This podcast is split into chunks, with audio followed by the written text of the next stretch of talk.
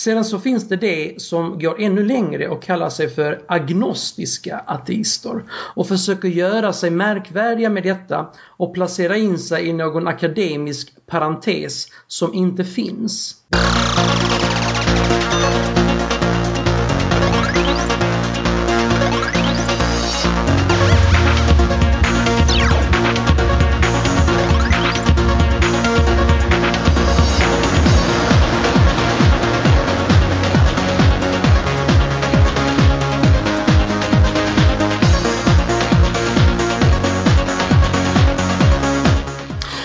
Välkomna till nummer 24 utav Mellan svart och vitt och det är jag som är Dragan. Och det är jag som är Thomas. Ja, och eh, ännu ett rykande färskt avsnitt och jag tycker att vi kastar oss rakt in i de aktuella händelserna. Och det är väl ingen som har missat SDs kris? Nej, det är väl inte det. Det verkar ju krisa lite i rassepartiet, kan man säga så Thomas? Ja, du sa ju det. det är väl såna här veckor som man eh, kan säga att det är helt okej okay med lite skadeglädje. Tycker jag i alla fall. Jag måste erkänna att eh, jag har nog aldrig tittat så ofta på Expressens eh, nätsida i alla fall.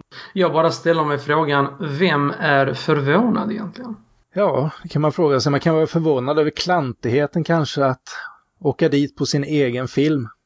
Ja, ja. Jag vet inte, vi kanske kommer åka dit på vår egen podcast någon gång när vi Ja, fast vi har väl inget att dölja direkt, har vi det? Nej, det har vi inte.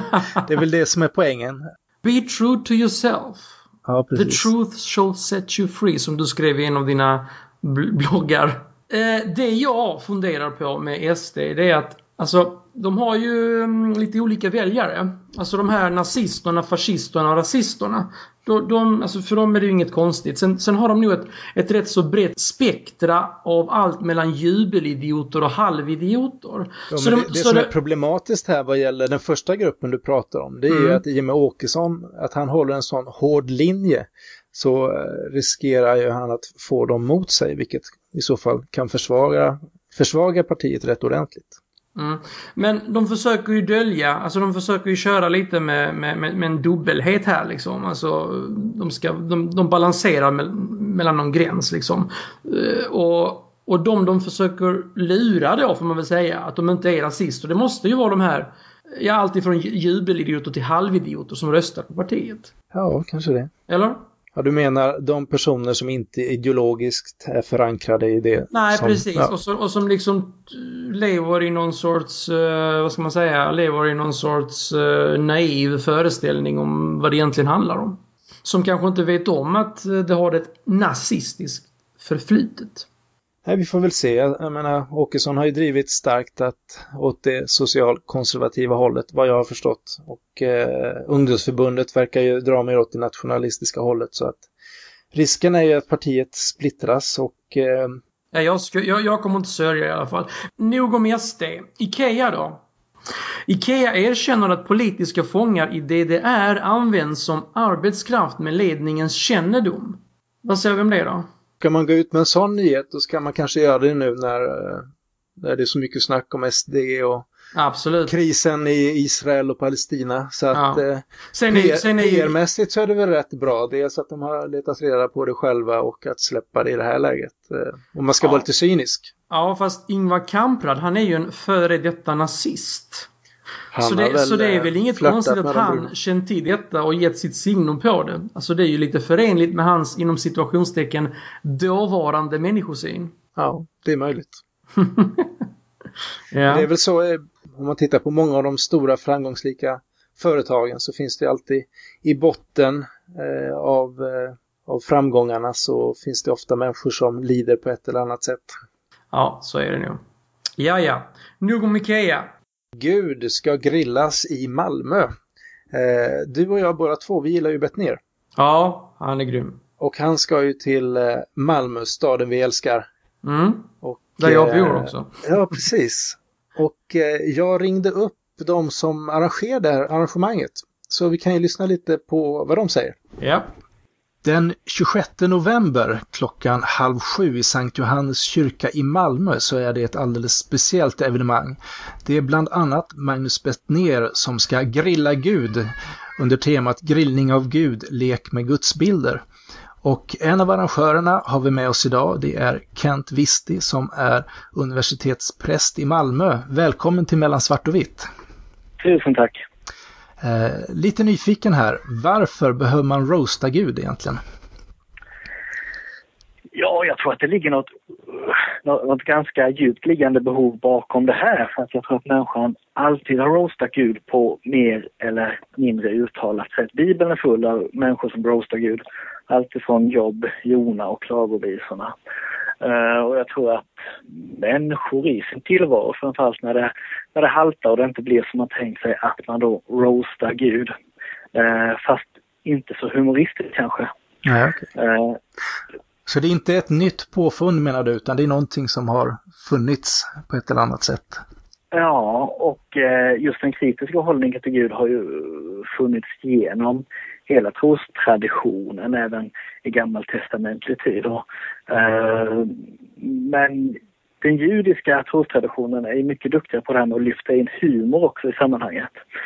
Eh, och nu lyfter vi alltså in ett en annan genre i kyrkan för det som händer. Så att nu kommer vi att föra ett samtal om gudsbilder. Det är ju inte heller ovanligt eller kontroversiellt i kyrkan att ifrågasätta gudsbilden. Men vi lyfter in en ny genre, nämligen roastingen, som då hade sin, sitt ursprung i 1920-talets USA. Ja, precis. Har det varit eh, okonvent... Eh, har det varit... Eh, jag ska bara hitta, jag kommer klippa det här. Mm. Eh, har det varit okontroversiellt eller har du, vad har du fått för reaktioner på det här? Väldigt mycket positiva reaktioner. Jag hade nog... Uh, jag hade en beredskap på att, på att det skulle komma uh, reaktioner mot det och det har också kommit en del men inte alls i den omfattningen. Nu när vi spelar in här så är klockan, eller så är det söndag och informationen släpptes i torsdags. Hittills har jag fått ett mejl som ställer sig frågande. Okej. Okay. Eh, jag vet att ni är mycket aktiva på Twitter också, ni universitetsprästerna. Har ni fått någon respons där? Ja, där har vi fått väldigt mycket god respons. Ja. Eh, dels har vi fått en, en, spridning, vi fick en god hjälp med det. Eh, men sen väldigt mycket hurra och bifallsrop. Mm. Det ska bli spännande att höra efteråt också vad, vad som eh, reaktionerna blir. Ja. En, ett vanligt element, jag är själv väldigt förtjust i de här roasting-programmen, det är ju faktiskt att eh, huvudpersonen får roasta tillbaka. Ja. eh, och eh, ja, kan vi vänta oss någonting från det hållet? Att Gud roastar ja, tillbaka? Ja, Gud fader allsmäktig själv hade tänkt komma i, med långt skägg och vit koppa. Men han, han fick förhinder så istället så skickade han då eh, biskop emeritus Lennart Koskinen som kommer att föra hans talan. Så det kommer att bli ställföreträdande roasting då? Precis. Precis, ja, vad spännande. Men ja. jag får önska hemskt mycket lycka till på det här arrangemanget och som sagt har ni möjlighet den 26 november. Är det en söndag eller vad blir det? Det är en måndag. Det är en måndag? Ja. Eh, har ni möjlighet måndag den 26 november i Malmö så gå till Sankt Johannes kyrka 18.30. Men bra, tackar så mycket Kent att du kunde vara med och eh, ha. ha en fortsatt trevlig helg. Tack, tack. Hej. Hej. Jo, jo men det kan säkert bli kul, absolut. Ska du dit? Eh, ja, eh, jag hoppas det. Jag vet inte, det är alltid svårt att få, få in saker i schemat. Jag kan ju kolla här direkt i kalendern. Oj, oj. Live. Måndag den 26. Ja, det ser inte helt omöjligt ut faktiskt. Men om jag kan då så kan vi ju, eller man måste kanske boka i förväg, eller hur funkar det? Ja, det går nog, en kyrka går alltid att smita in i. Ja, så alltså det är ett gratis, eh, gratis evenemang också då alltså? Jag vet, det kanske kostar pengar, men det spelar mindre roll. Men om vi kan så kan vi väl faktiskt eh, gemensamt twittra ut det och är det några lyssnare som vill hänga på också så ja, det, är, kan det, det kanske bli en hel kväll. Va? Kanske kan bli en hel kväll. Absolut. Roast i kyrkan. Eh, Middag. Sen, och bar. ja, men kanske en, en, en, öl på puben efteråt. En, ja, eh, det är någonting. kanske mer eh, realistiskt. ja, vi får se.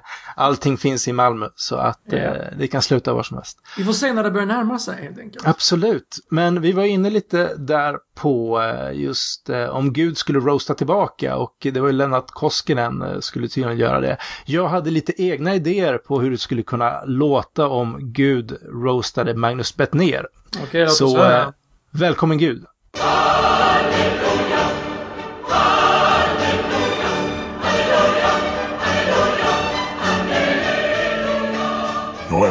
som såg din senaste show utan att betala 49 spänn.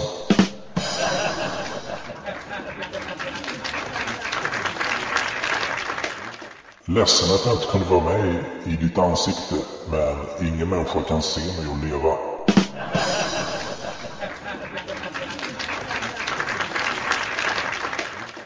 Den där gången du losade så mycket i poker. Sorry, men jag kunde inte motstå att slå ditt fyrtal i sexor med en fjärde sjua på River.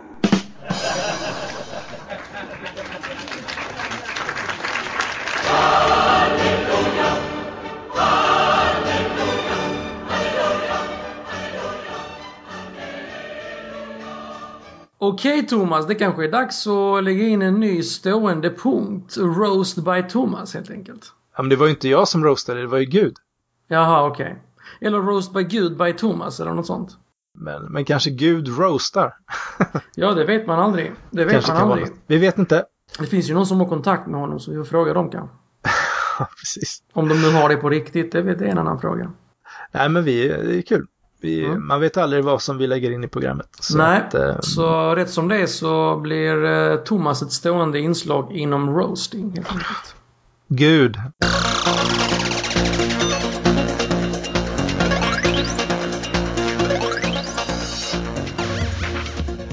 Sen, jag har ju funderat lite på det här. Vi har ju slopat vår inledning nu här med Thomas, eh, tvivlande kristen och skeptiker och Ja, vi körde ju Dragan, humanisten och det, det gjorde du rätt tydligt tyckte jag.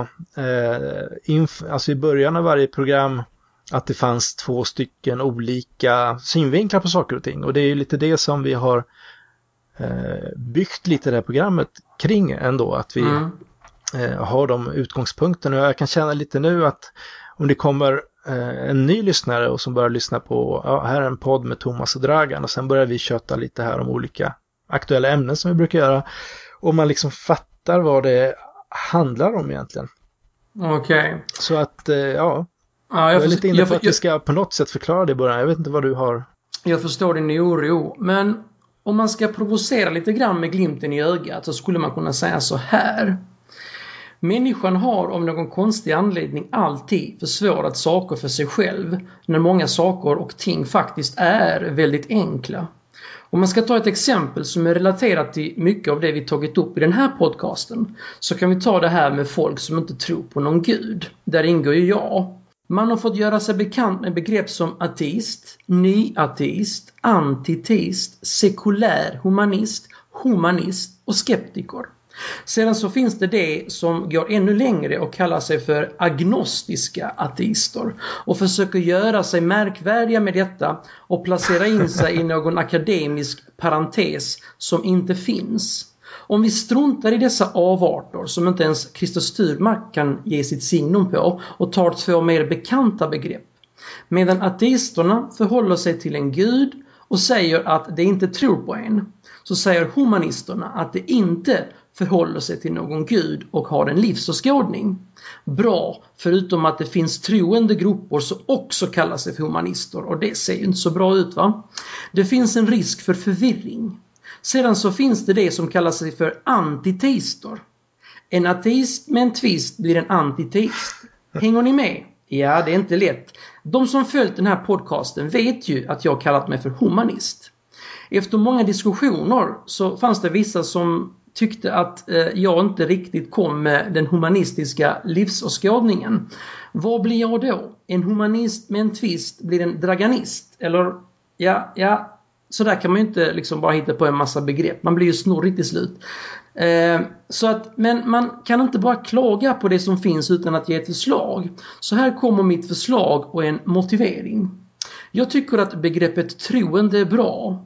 För att tror man på gamla sagoböcker, Gud, jultomten, magi och allt möjligt övernaturligt så passar ju det ordet väldigt bra. Och för oss som inte tror på något övernaturligt, jag föreslår ordet tänkande. På samma sätt, på samma sätt som 1 plus 1 är lika med 2 och inte 3 eller 4 så fattar man att om det inte finns någon evidens för något övernaturligt så finns det inte heller.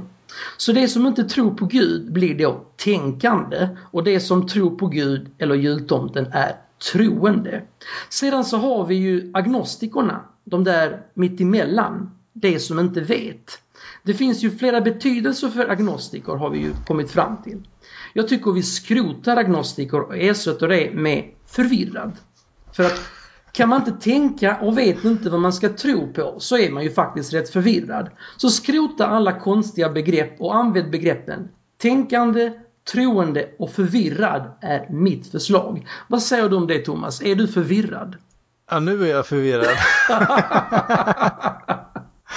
Måste jag säga. Och jag vet inte om de här begreppen kommer att vara sådär jätteanvändbara faktiskt. Det var ju lite med glimten i ögat som jag sa innan. Ja, det förstår jag absolut. Men om vi ska vara ärliga, det är ju väldigt många, många begrepp som... Ja, det är det, men alltså de kan ju vara användbara på sitt sätt för de talar om hur vi förhåller oss till olika saker. Ja, och om- eh, om- jag menar det är inte så att man behöver om- säga så här, hej jag heter eh, Thomas och jag är ateist, antiteist, sekulär, humanist och agnostiker. Man behöver liksom inte etikera sig så, men om man går in och pratar om specifika frågor, vad man har i förhållande till kunskap, vad man står i förhållande till eh, tro eller frånvaro av tro på gudar, eh, vad det är för livsåskådning som man eh, har eh, och så. Då är de här begreppen rätt så eh, praktiska, varför de, eh, de ger ett rätt klart besked på hur man ställer sig till olika frågor.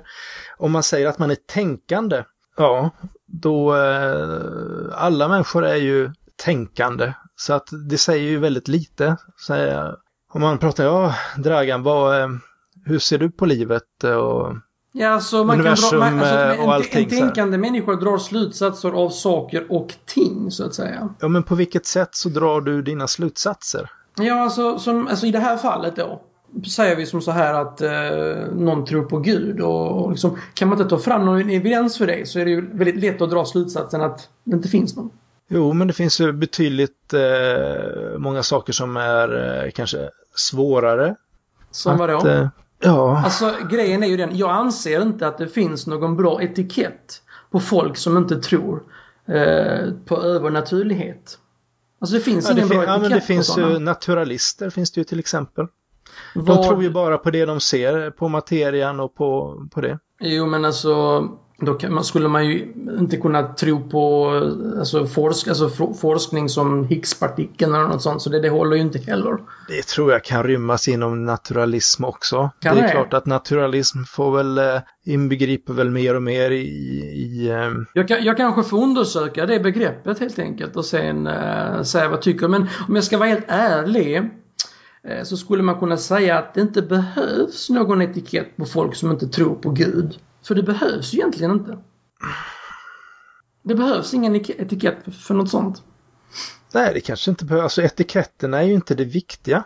Men kommer du inte ihåg när vi började? Du ville verkligen veta vad jag ville kalla mig för. Jag hade ju väldigt svårt att eh, komma fram till humanist. För jag tyckte inte det heller liksom passa eh, hundraprocentigt. Men bara för att programmet skulle få, få en god nisch liksom så, så, så, så blev det humanist. Jo, men det är ju lite så här att i och med att eh, en av de huvudsakliga sakerna som jag ville ta upp i programmet, det var ju tro och livsåskådningar och lite hur vi förhåller oss till det. Mm. Och i och med att eh, jag har en bakgrund som troende och som jag sa har inte sådär jättemycket kvar av den tron utan har mycket tvivel samtidigt som jag när jag förhåller mig till saker runt omkring mig har ett väldigt skeptiskt sinnelag Mm. så, eh, så tyckte jag att för att förmedla det på något sätt så fanns det ett värde i att, att sätta etiketter på det jag själv kände.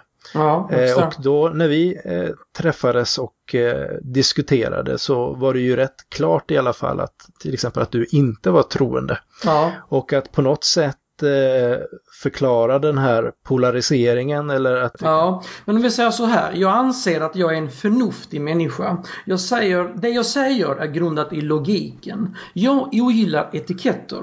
Och jag vill inte ha en ordförande för någon humanistisk rörelse som inte tycker som jag i alla frågor.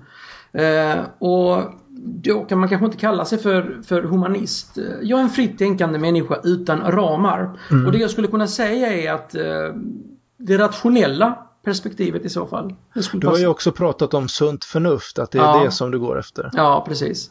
Men vad är egentligen sunt förnuft då?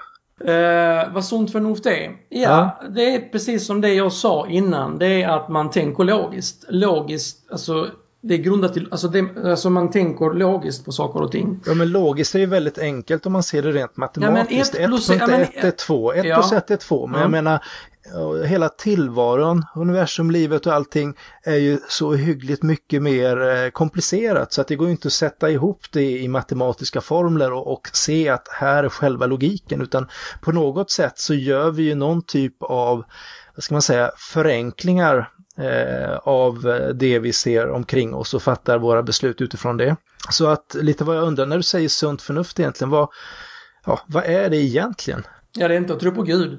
Nej, men, men tror du att det finns ett allmängiltigt sunt förnuft som vi egentligen alla bör ha eller kan ha? Nej, det finns nog inget allmängiltigt sunt förnuft men det finns ju saker och ting som antingen är sannolika eller inte sannolika och som man kan dra slutsatser efter. Ja, men, men, men ser du, är, sunt förnuft helt eh, subjektivt? Har du ett visst sunt förnuft och en annan person ett annat sunt förnuft? Alltså självklart så, tänk, så, så är vi alla olika människor och tänker, alltså ingen kan tänka likadant. Nej. Så att själv, självklart så tänker folk olika om man diskuterar fram. Eh, och det är ju det som också gör det intressant att diskutera med andra människor för att de tänker annorlunda. Jo, men när det gäller Men alla exempel... tänker inte likadant. Men om vi, om, vi, om, vi, tar, om vi tar då eh, det vi har ju diskuterat här. Det är ju godstro eller inte godstro så att säga. Ja, bland annat. Ja, men... och jag, jag, jag, tyck, jag tycker inte det är förnuftigt att, att tro på Gud. Nej, det kan du tycka. Men sen vi har även pratat om moraliska frågor. Eh, en fråga som vi var inne på eh, var ju det här med eh, böneutropen, huruvida det skulle vara okej okay rent samhällsmässigt eller inte. Ja. Och eh, som sagt, du hänvisar ju till sunt förnuft som, som det som du baserar ja, dina slutsatser på. I det, I det fallet var det man ska inte, alltså ingen ska pracka på någon, något på någon annan och störa den människan. Men den, Nej, den diskussionen har vi haft. Ja, vi har haft den diskussionen. Men eftersom du, du går ju också tillbaka på diskussioner om, om Guds existens och, och, liknande. Och tittar man i den diskussionen så Förbundet Humanisterna pratar ju också om förnuftsbaserade mm, beslut och livsåskådning. Och i det fallet så hade ju Christer Sturmark kommit fram till en annan slutsats och han hänvisar väl också till sunt förnuft när han för fram de åsikterna. Så där står i så fall ditt sunda förnuft i, eh, i liksom kontrast eller i, eh, ja, i motsättning mot Christer Sturmarks sunda förnuft. Så vems sunda förnuft eh, är bäst i det fallet? Mitt. Ja, jag förstår det. Du frågar mig ju. Vad ska jag, säga? Frågar du Christer Sturmark så kommer man ju säga sitt och, och så jo, får ju, sen får man ha en diskussion och komma fram till något vettigt eh, Men det, från det. det jag vill liksom. mena är liksom att man kan ju tycka liksom att allting är självklart och ett plus ett är två och det är logik. Men eh, prata, går man lite djupare in vad sunt förnuft är så, så blir det ju helt plötsligt rätt så subjektivt. Eh, det och blir nog något beroende... subjektivt, det, det kan det nog bli. Det finns ett rätt roligt citat det är omdiskuterat om Einstein har sagt det eller inte. Troligtvis kanske han inte har gjort det, men i samband med Einstein så brukar det nämnas ett citat. Och eh, det går så här. Sunt förnuft är inget annat än en samling fördomar inlärda innan man har fyllt 18. Det var nog något av det dummaste jag har hört på länge. Men är det inte så, eh, lite så att de saker som man har lärt sig som ung eh, eh, det är lite det som man sen använder och tycker är liksom logiskt och det är sunt förnuft och Eh, om man tittar även på de här eh, rasistiska tongångarna om vi ska knyta an till vad vi pratar om från början.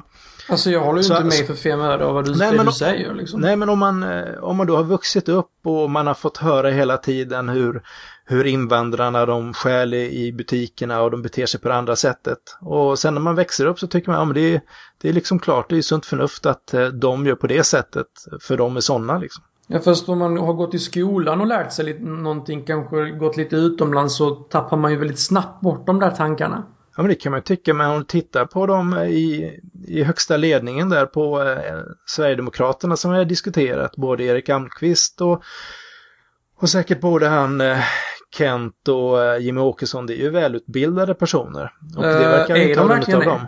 Är de Ja. välutbildade? Det är väl klart de är. Ja, okej. Nej, jag trodde faktiskt inte det. Jo, och de inte, träffades ju, inte med några av dem i alla hur, fall. de, inte med tanke på hur de uppträder liksom. Nej, det kan man ju tycka. Och, inte eh, Jimmy Åkesson och ja. Björn Söder, de höll ju till här i Lund och det gjorde väl Kent Ekeroth också. Mm. Ja, var ju- det, det, det gör det hela, hela ännu mer eh, oförstående liksom. Nåväl, nåväl. Eh, men vad ska vi säga, vad, hur tycker du att vår inledning på podcasten ska vara? Den kommer vara så här. Jag kommer ju presentera mig som Dragan och jag kommer faktiskt säga att om, jag, alltså om du ska prata om eh, att du är kristen och skeptiker så får jag väl säga att eh, jag eh, håller mig till det rationella perspektivet. Okej. Eh, rationella perspektivet. Ja, Ja, det är vad jag kan komma på liksom. det är ditt... För humanist, eh, som jag sa innan att Alltså jag, jag vill nog inte ha någon ordförande för någon, för någon rörelse som inte tycker som jag Nej, det kan jag förstå. Men, om, men så om du nu om du tittar på de sekulära humanisterna i Sverige, vilka saker håller du inte med? Alltså jag har ju, jag, jag kan ju säga som så här, jag har ju en grund i, i, i humanismen, alltså det, det de står för. Men sen så, sen så, ja det här till exempel böneutropen liksom, det hade jag ju en helt annan eh, åsikt. Mm. Ja, gick men det helt- var ju åsikten att alla har samma rättigheter inför lagen egentligen då. Eh, Så att... Mm, Ja, eh, fast jag, jag såg ju inte det, jag, jag såg ju det som en ren ordningsfråga egentligen. ja. Jag såg inte det som en fråga som humanisterna bör ta tag i överhuvudtaget egentligen. Det är en ordningsfråga alltså, som det handlar om. Så det tyckte jag också var rätt dumt att han ens, ens yttrade sig om. Ja, det är hans, hans rätt också. Ja, han får sig Men är det några som helst. andra bitar? Eller, eller är det Som det jag det inte står med. Nej, det är väl det enda som jag bara hör sådär. Sen så hade jag ju lite åsikter om, det var också lite sådär glimten i ögat. Det här med att eh, rasister inte bör få polisskydd. Och då var det ju någon som tyckte att det där var ju inte så humanistiskt. Nej, och det är ju heller inte förenligt med, med svensk lag. Så att, Ja, eh, fast det där var lite sådär att provocera och, och liksom... jo, men det förstår jag. Det är som jag sa, att så kan man ju känna rent känslomässigt. Men eh, Det finns folk som det skulle inte fungera i samhället. Det finns folk som svälter och vi ger Lars Vilks 20 miljoner för att han ska resa till ett rassekonvent liksom. Alltså man får ju tänka lite. Det rationella perspektivet. Mm. Om det är... Jag har lite svårt att greppa lite vad det, vad det Men skulle om, om man säger innebära. som så här. Du är ju kristen. Ja, är, det, ja. är det rationellt att vara kristen? Ja, det kan man Är det, fråga är sig. det, det, är det i min mening inte. Är det, är det det i din mening? Jag kan nog kanske inte säga att det är rationellt att vara kristen, men däremot kanske jag tror att man kan vara kristen och rationell. Uh, va? Come again?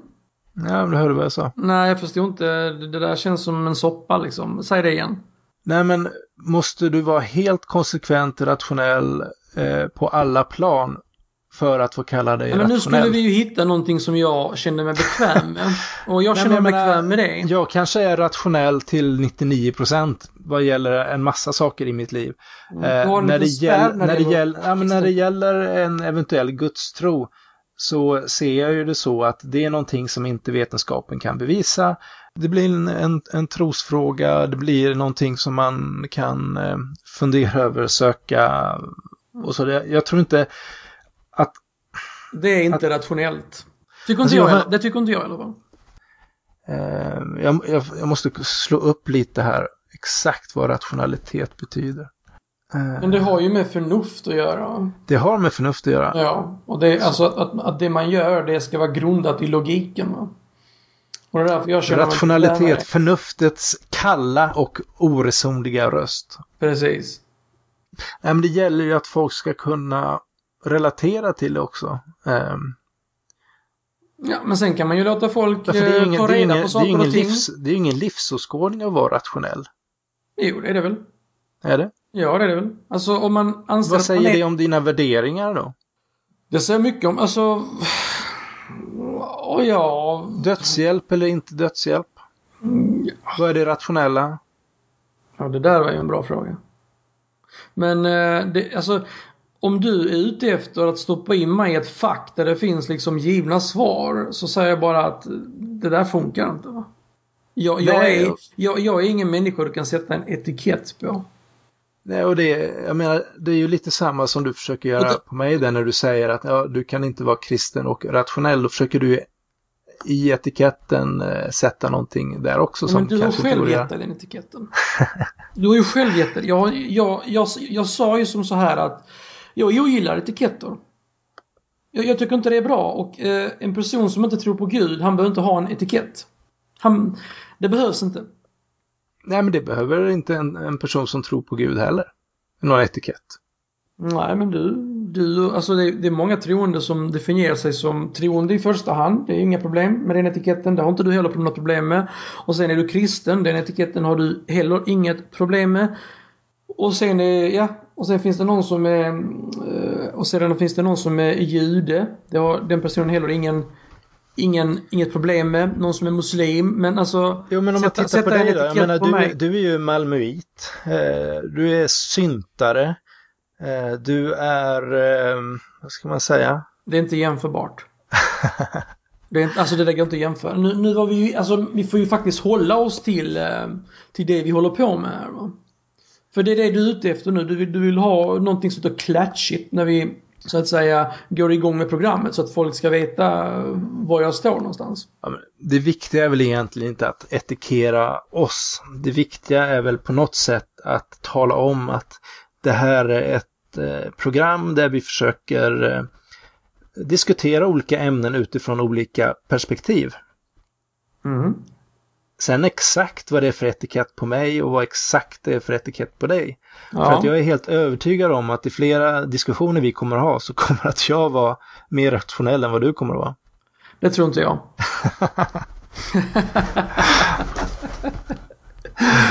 ja men alltså. Sight Det, guys! det är ju, ja, det är ju jätte, det är jätterationellt. Alltså innan, Ja, du ska, innan du ska uttala dig så får du ta reda på någonting om det. Ja, det kommer göra. Ja, precis. Så att eh, det är lite fel att och liksom inte känna till någonting och komma med massa förutfattade meningar. Jo, det kan man ju tycka. Men, men du har ju sagt i ett tidigare avsnitt att du är inte är intresserad överhuvudtaget att läsa Nya Testamentet eller om eh, Jesus. Men ändå så har du ju massor med förutfattade meningar om det. Men alltså jag behöver ju inte eh, läsa en saga för att förstå att det är en saga. Ja, det kanske du behöver göra. Nej, det där håller inte. Du är ju varken intresserad av att läsa själva sagan eller att eh, typ, eh, ja du kan ju gå en kurs i eh, bibelvetenskap eller sånt där på teologen på en kvällskurs kanske. Jag hade hellre gått en kurs i tyska. Jag tror det hade gett mig mer faktiskt. Jawohl! Ja, eller franska. Eller spanska. Jag tror det hade gett mig mer faktiskt. Jo, det är mycket möjligt. Så alltså, grejen är den att man måste ju faktiskt prioritera sin tid. Vad tycker man är viktigt? Läsa sagor, lära sig språk, lära sig teknik eller ja, vad det nu man vill göra för någonting. Men vad är det som gör att du tycker att det är, eh, att du prioriterar podden då? Det är för det är kul. Det är Ja. kul, det är intressanta diskussioner. Du är kul att diskutera med. Ja, Alltså- detsamma. Alltså det, det är ju det. Så att säga. Sen att jag, eh, alltså nu har vi ju glidit in mycket på, eh, på eh, tro och den, den biten va. Det har ju inte varit min ambition att, att göra det egentligen men nu nu har det blivit så. Och det är inget fel med det. Det har varit intressant men jag skulle ju aldrig lägga ner liksom x antal timmar för att läsa bibeln. Så att Nej. säga. Jag tycker jag har ju fått Du har fått in- mer bibel än vad du egentligen har velat Ja. ha. Det har jag ju fått. Ja. Och sen så har jag ju fått eh, väldigt många olika perspektiv på det här också ju så att säga. Ja, Och ännu fler ska du få. ja det kommer nog bli en hel del på kommande program. För att, ja, mm, mm, mm. Det rationella perspektivet istället för det humanistiska. Skitbra. skitbra. Men visst, vill du stå för det rationella perspektivet Eller, så... eller va- varför inte bara göra så här? Du presenterar dig som kristen. Och jag kan faktiskt... Jag kan presentera som Dragan och jag har faktiskt ingen etikett som en grej av det. Det kan man också göra. Nej, men det är väl roligare om du, om du tar det rationella perspektivet då. Okej Kanske. då. Då gör vi så. Jag har faktiskt fått väldigt lite feedback på det. Är en hel del som har varit på mig. Det var länge sedan i och för sig. Just det här. Gällande ja, att eh, de tyckte att eh, kristen skeptiker inte funkar med Ja, men det är ju inte aktuellt. Men just det här huruvida man kan vara skeptisk och ändå på något sätt eh, ja, söka Gud eller ja, ja. ha någon typ av tro eller så. Men det är väldigt få som har varit på mig och säga att jag inte är kristen faktiskt. Att du inte är kristen, nej det är det ju. Varför skulle de säga det? ja, varför inte? Alltså jag... Ja, med tanke på att du är skeptisk tänker du på? Eller? Ja, eller med tanke på att jag är så svag i tron och så, eh, liksom tycker väldigt eh, mycket Ja, det, grejer. det är inte så många fundamentalister i Sverige. Inte som lyssnar på vår podcast och är med i Twitter. Nej, Jag vill ha fler fundamentalister som lyssnar på vår podcast. Ja, De är svåra att få tag på. ja, Ja. ja jag vet inte. De har väl, eh, jag får säga, bättre saker för sig. De lever i det härlig gemenskap med liksom, Jesus Kristus är ute liksom, och gör storverk i hans namn och så. De sitter inte och lyssnar på, på podd. eh. De lyssnar inte, men det, det gjorde inte jag heller innan jag träffade dig.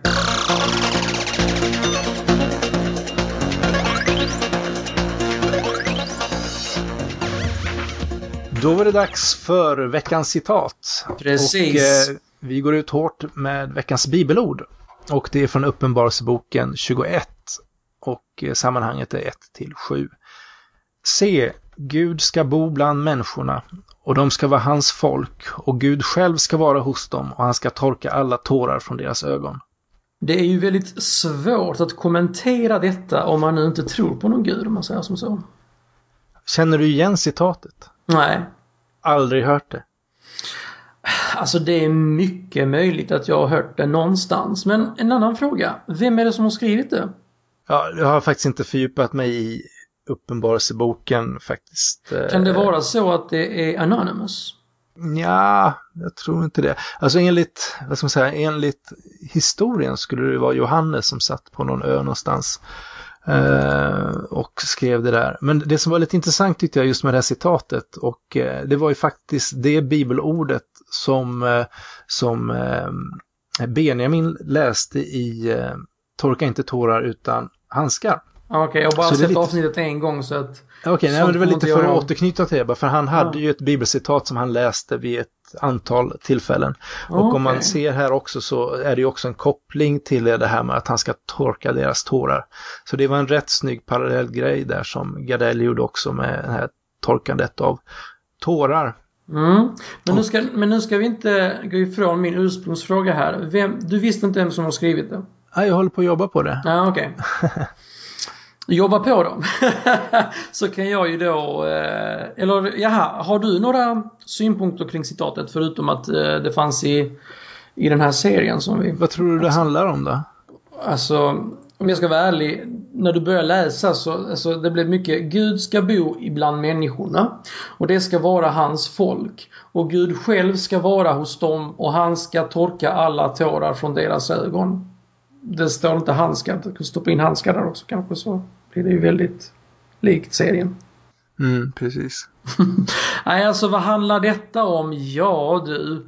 Ehm, hallucinationer? Det, Förvirring? det, är tänkt att, det är tanken att det ska beskriva är ju himmelriket egentligen. Jaha, där- okej. Där eh, man då får leva i gemenskap med Gud och att han ja, torkar tårarna från våra kinder. Ja, Eh, där ser man. Nej, men det var ju lite som jag sa att eh, traditionellt har det förknippats med aposteln Johannes. Och eh, man har väl kommit fram till att det inte kan vara han som har skrivit det. Eller bibelkritiker i alla fall. Och eh, ja, det kanske var Anonymous du. Ja, precis. Och jag tycker att han dyker upp lite här och där i dina bibelcitat. Det tycker du? Ja, precis. Känner du igen det Han citatet? extra knäcker lite du igen det med citatet? bibelcitat. Jag tycker han dyker upp lite här och där i dina bibelcitat. tycker jag, det tycker Ja, precis. Så att även när jag kommer med mina... Så mina Anonymous är egentligen jämställda med dina Anonymous. För det är egentligen ingen skillnad om jag går upp och hittar någonting på nätet som eh, ingen eh, så att säga vill eh, ge sken av att de har skrivit. När du, på samma sätt som när du läser upp liksom, det kommer där och därifrån och så är det ingen som har skrivit det liksom. För att Bibeln har ju egentligen ingen skrivit, eller hur är det? då är den ju helt mirakulös. Då är det ju ett underverk om ingen har skrivit den och Men den vi finns vet, i alla fall. vi vet ju inte vem som har skrivit. Det var ju verkligen inte rationellt sagt av dig. Okej, vem har skrivit Bibeln då? För att vara rationell. Det är en mängd olika personer genom ja, Ja, nämn någon. många, många år. Varför, finns inte de med som liksom Att någon ord? Liksom? credit på... Nej, Ja. men Paulus jag säger säger, inga, finns det inga förord heller? Finns det förord i den? Alltså, jag har ju inte läst den så jag måste fråga. vem skulle ha skrivit förordet? Jag vet inte. Nej, men Paulus ju- har ju skrivit en hel del av breven i Nya Testamentet till exempel. Ja, okej. ja, och, men det är ju en hel del. Va? Det räcker. Det håller inte va? Och Lukas är väl eh, Lukas evangeliet och Hur är det med apostlagärningarna. källkritiken där alltså? Det finns nog ingen bok som eh, man har studerat så källkritiskt som Bibeln. Den är nog, vad Och gäller i inte studier, vad Och gäller i inte studier av hittat några skrift, källor. läs på lite Dragan. Men eh, är, det väl, är det inte allmänt känt att man inte vet eh, vem som har skrivit Bibeln egentligen? Ja, men du säger Bibeln som om det var en bok. Bibeln består av 66 böcker. Eh, Okej. Det finns jättemycket att lära sig om eh, ja, vem som har skrivit eller i vilket sammanhang det är skrivet. Och, eh, så att eh, det finns en fantastisk skatt av forskning att sätta sig in i. Så En att vi kan, vi kan starta bara- en liten studiecirkel du och jag. En annan fråga som jag tänkte på när du sa att det inte är en bok, det är 66 stycken. Ja. Varför säger man då Bibeln? Om det är 66 stycken böcker? Ja, vet du vad Bibeln betyder? Nej, berätta. Böckernas bok. Okej, och från det går vi nu till ateistcitaten. Då kommer eh, veckans ateistcitat. Och det lyder så här. Faith can give people a sort of hyperbolic confidence and utter unconcern about whether they might be making a mistake. Och detta är då Daniel Bennett som har sagt detta. Det är inte Anonymous som i det förra citatet. Daniel Bennett är en amerikansk professor i filosofi. Det man tänker på i första hand är ju då eh, självmordsbombare tycker jag och andra religiösa fundamentalister.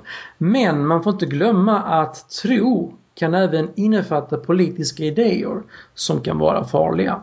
Nazismen, för att nämna en. Vilken tro innefattar egentligen nazism? Tron på raser och raslära. Tron Det är på ju ingen religiös tro. Måste det vara en religiös tro? Det står ingenting. det jag jag sa ingenting i citatet om något religiöst. Jag tror inte nazisterna tyckte det var väldigt rationellt att eh, vad gäller deras rasbiologiska forskning och så.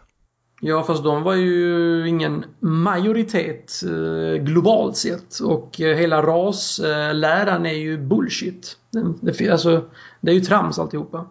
Det kan vi ju hålla med om. Eh, Men att, eh, eh, och de, de, det var ju ingen majoritet av världen som tyckte så. Och det är också en anledning till att nazisterna inte men vi hade ju, vi hade ju såna, sån forskning även i Sverige. Ja, och så illa var det.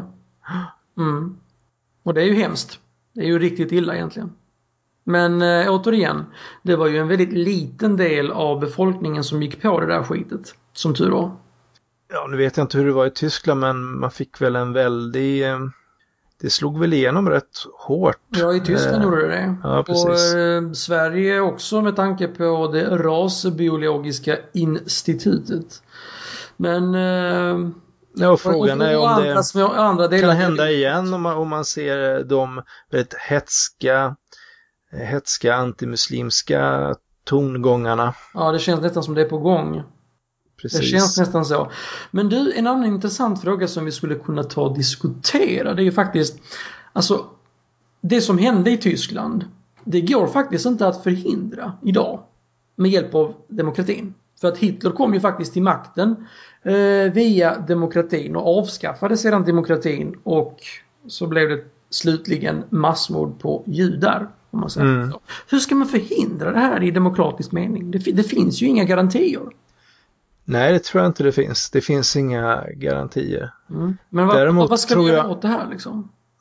Det känns inte bekvämt. Det gör det inte. Tänk om Jag menar några saker tänk som om har hänt tar efter, över alltså. saker som har hänt efteråt är ju till exempel Förenta Nationerna och, så- och så. Att just att ha en mer global, Ja, mm, mm. ja men en mer global eh, värld där, eh, vad ska man säga, Fast det hjälper ju inte om du kollar i Ungern där, där, där marscherar de på gatorna va? som nazisterna gjorde eh, på 30-talet så att säga. Mm. Det är ingenting som händer där liksom. Alltså det är ingen som, och, och, och Ungern är ju med i EU. Och det händer ju ingenting, de bryr sig inte. Nej men det är ju en jättesvår fråga och jag menar det, det ligger, jag är ingen expert inom det här på något sätt men jag menar är det hög arbetslöshet bland unga det är ju väldigt lätt att försöka hitta syndabockar och eh, det finns eh, grogrund till och, också om integrationspolitik och sånt där inte har fungerat och då är det lätt Alltså att börja så, vända. sånt, här, sånt här skit som nazism och rasism. Det, det, får, det, får ju, det är ju när det är kriser. Va? Kolla, bara, kolla bara i Grekland. Där har de ju faktiskt ett... Gyllene gryning är det ju någon, någon eh, nynazistisk rörelse som till och med fått 7-8 procent eller något sånt i valet tror jag. Som är väldigt oroväckande. Och där är det ju liksom... Där helar man liksom. Det är inga...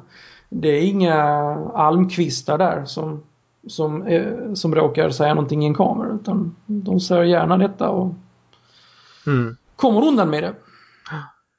Nej, det, människan har ju bevisat en sak i alla fall och det är att man inte lär sig av sina misstag Nej, så här långt. det har man ju, det har man ju verkligen bevisat. Även, Utan- även i detta land. Nej, jag vet inte. Det är en svår fråga för att eh, vi gillar ju demokrati allihopa. Vi är ju vänner Men det, finns av ju, det finns ju inget alternativ till demokrati Nej, i alla fall. Eh, Utan eh, problemet är väl om man blir passiva. Alltså som, Ja. som, som medborgare och, Ja. och låter eh, rädsla och annat få överhanden. Mm. Nej, vi får, eh, vi får hålla tummarna på att eh, det blir bra. Ja. Det gör vi. Ja. Vi lämnar eh, nazismen och går vidare till vårt musikinslag. Precis. Då är det Och din tur den här veckan. det är min tur den här veckan. Mm. Och eh, jag väljer att spela ännu en busselåt eh, som heter Om du träffar honom. Och ehm, den sjöng jag faktiskt på, eh, jag tror det var, det var inte på begravningen men det var efter min låtsasmorfars begravning. Och jag är rätt blödig av mig faktiskt, så jag kunde Okej. inte hålla tårarna borta. Eh, på samma sätt faktiskt som, eh, jag vet inte, såg du Ugglas dag igår? Ja, jag råkade... Jag, jag var tvungen till att se den för min sambo ville absolut se detta. Va? Så att, eh, Ah. jag, jag, blev, jag kände liksom, åh shit alltså. Nej, Ja, men jag, jag, jag genomled den, ja, ja det gjorde jag. Ja. Nej, då satt jag också och grät som ett barn. Jag brukar göra det på de där programmen. Du grät? Det var väl, ja, tårarna, Okej. tårarna rann för mina kinder. Vilken jag satt ensam och jag hade lagt alla barn. Eh, nej, det började under Darins låt och sen så fortsatte det under Miss Li. Okej. Ja. Om man nu Men ska i alla fall- ja, mm, ja.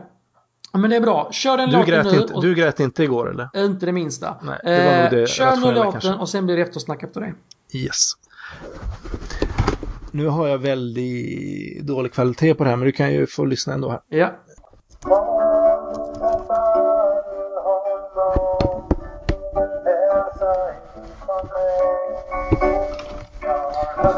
Du... Vet du vad vi gör Dragan? Ja. Vi gör så här. Eh, jag kör den live för dig istället. Ja, jag så. Nu ska vi se. Hör du? Jag lyssnar. Okej. Om du träffar honom Hälsa ifrån mig jag har hört allt de berättat här Om vad han har gjort för dig. Och ingenting har du gjort själv. Allt har bara hänt. Inte ens dörren har du öppnat själv men jag tror nog att den stod på glänt. Det var så länge sen din kärlek tycktes stor. Och jag, jag gick och knacka' på i dörren där du bor. Och visst var dörren öppen, det var bara att kliva på. Men kläderna fick jag ta med mig in och jag tvekar då. Så om du träffar honom Säg så här från mig att jag väl sällan sagt hans namn men förnekat det, det har jag hej. För jag har alltid att om jag har en enda vän så är det han och bara han och det, det tror jag än. Jag har många drömmar, stora och små. Om allt jag ska få uppleva, om allt jag ska förstå. Jag är helt förlamad nu och sitter bara still. För när han mitt halva hjärta fått så duger resten ingen till. Solen den går upp och ner och år försvinner bort. Och det enda jag har mig nu det är att livet det är kort.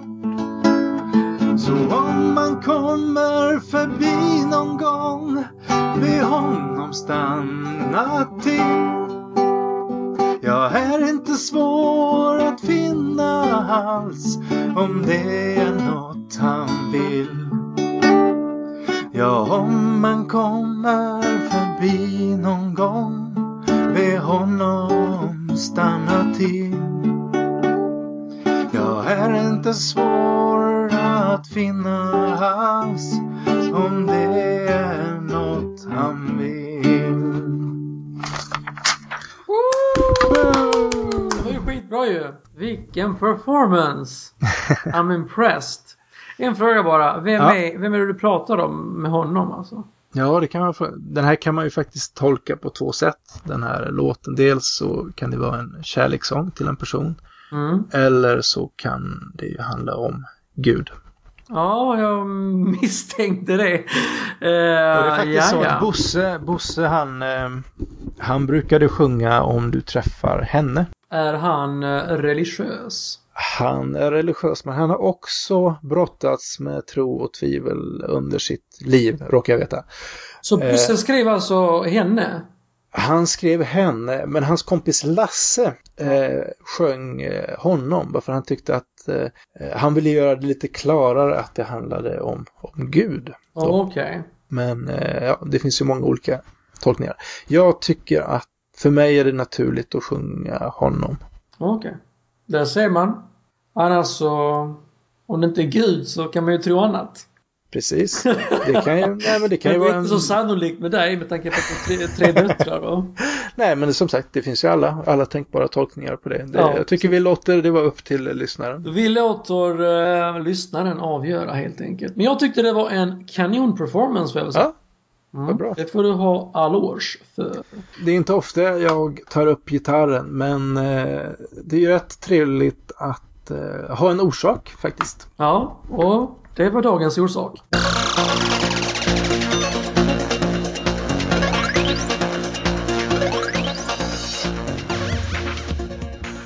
Nu har vi ju glidit in till eftersnack. Vad tror du om dagens eh, avsnitt? Jag har faktiskt ingen aning.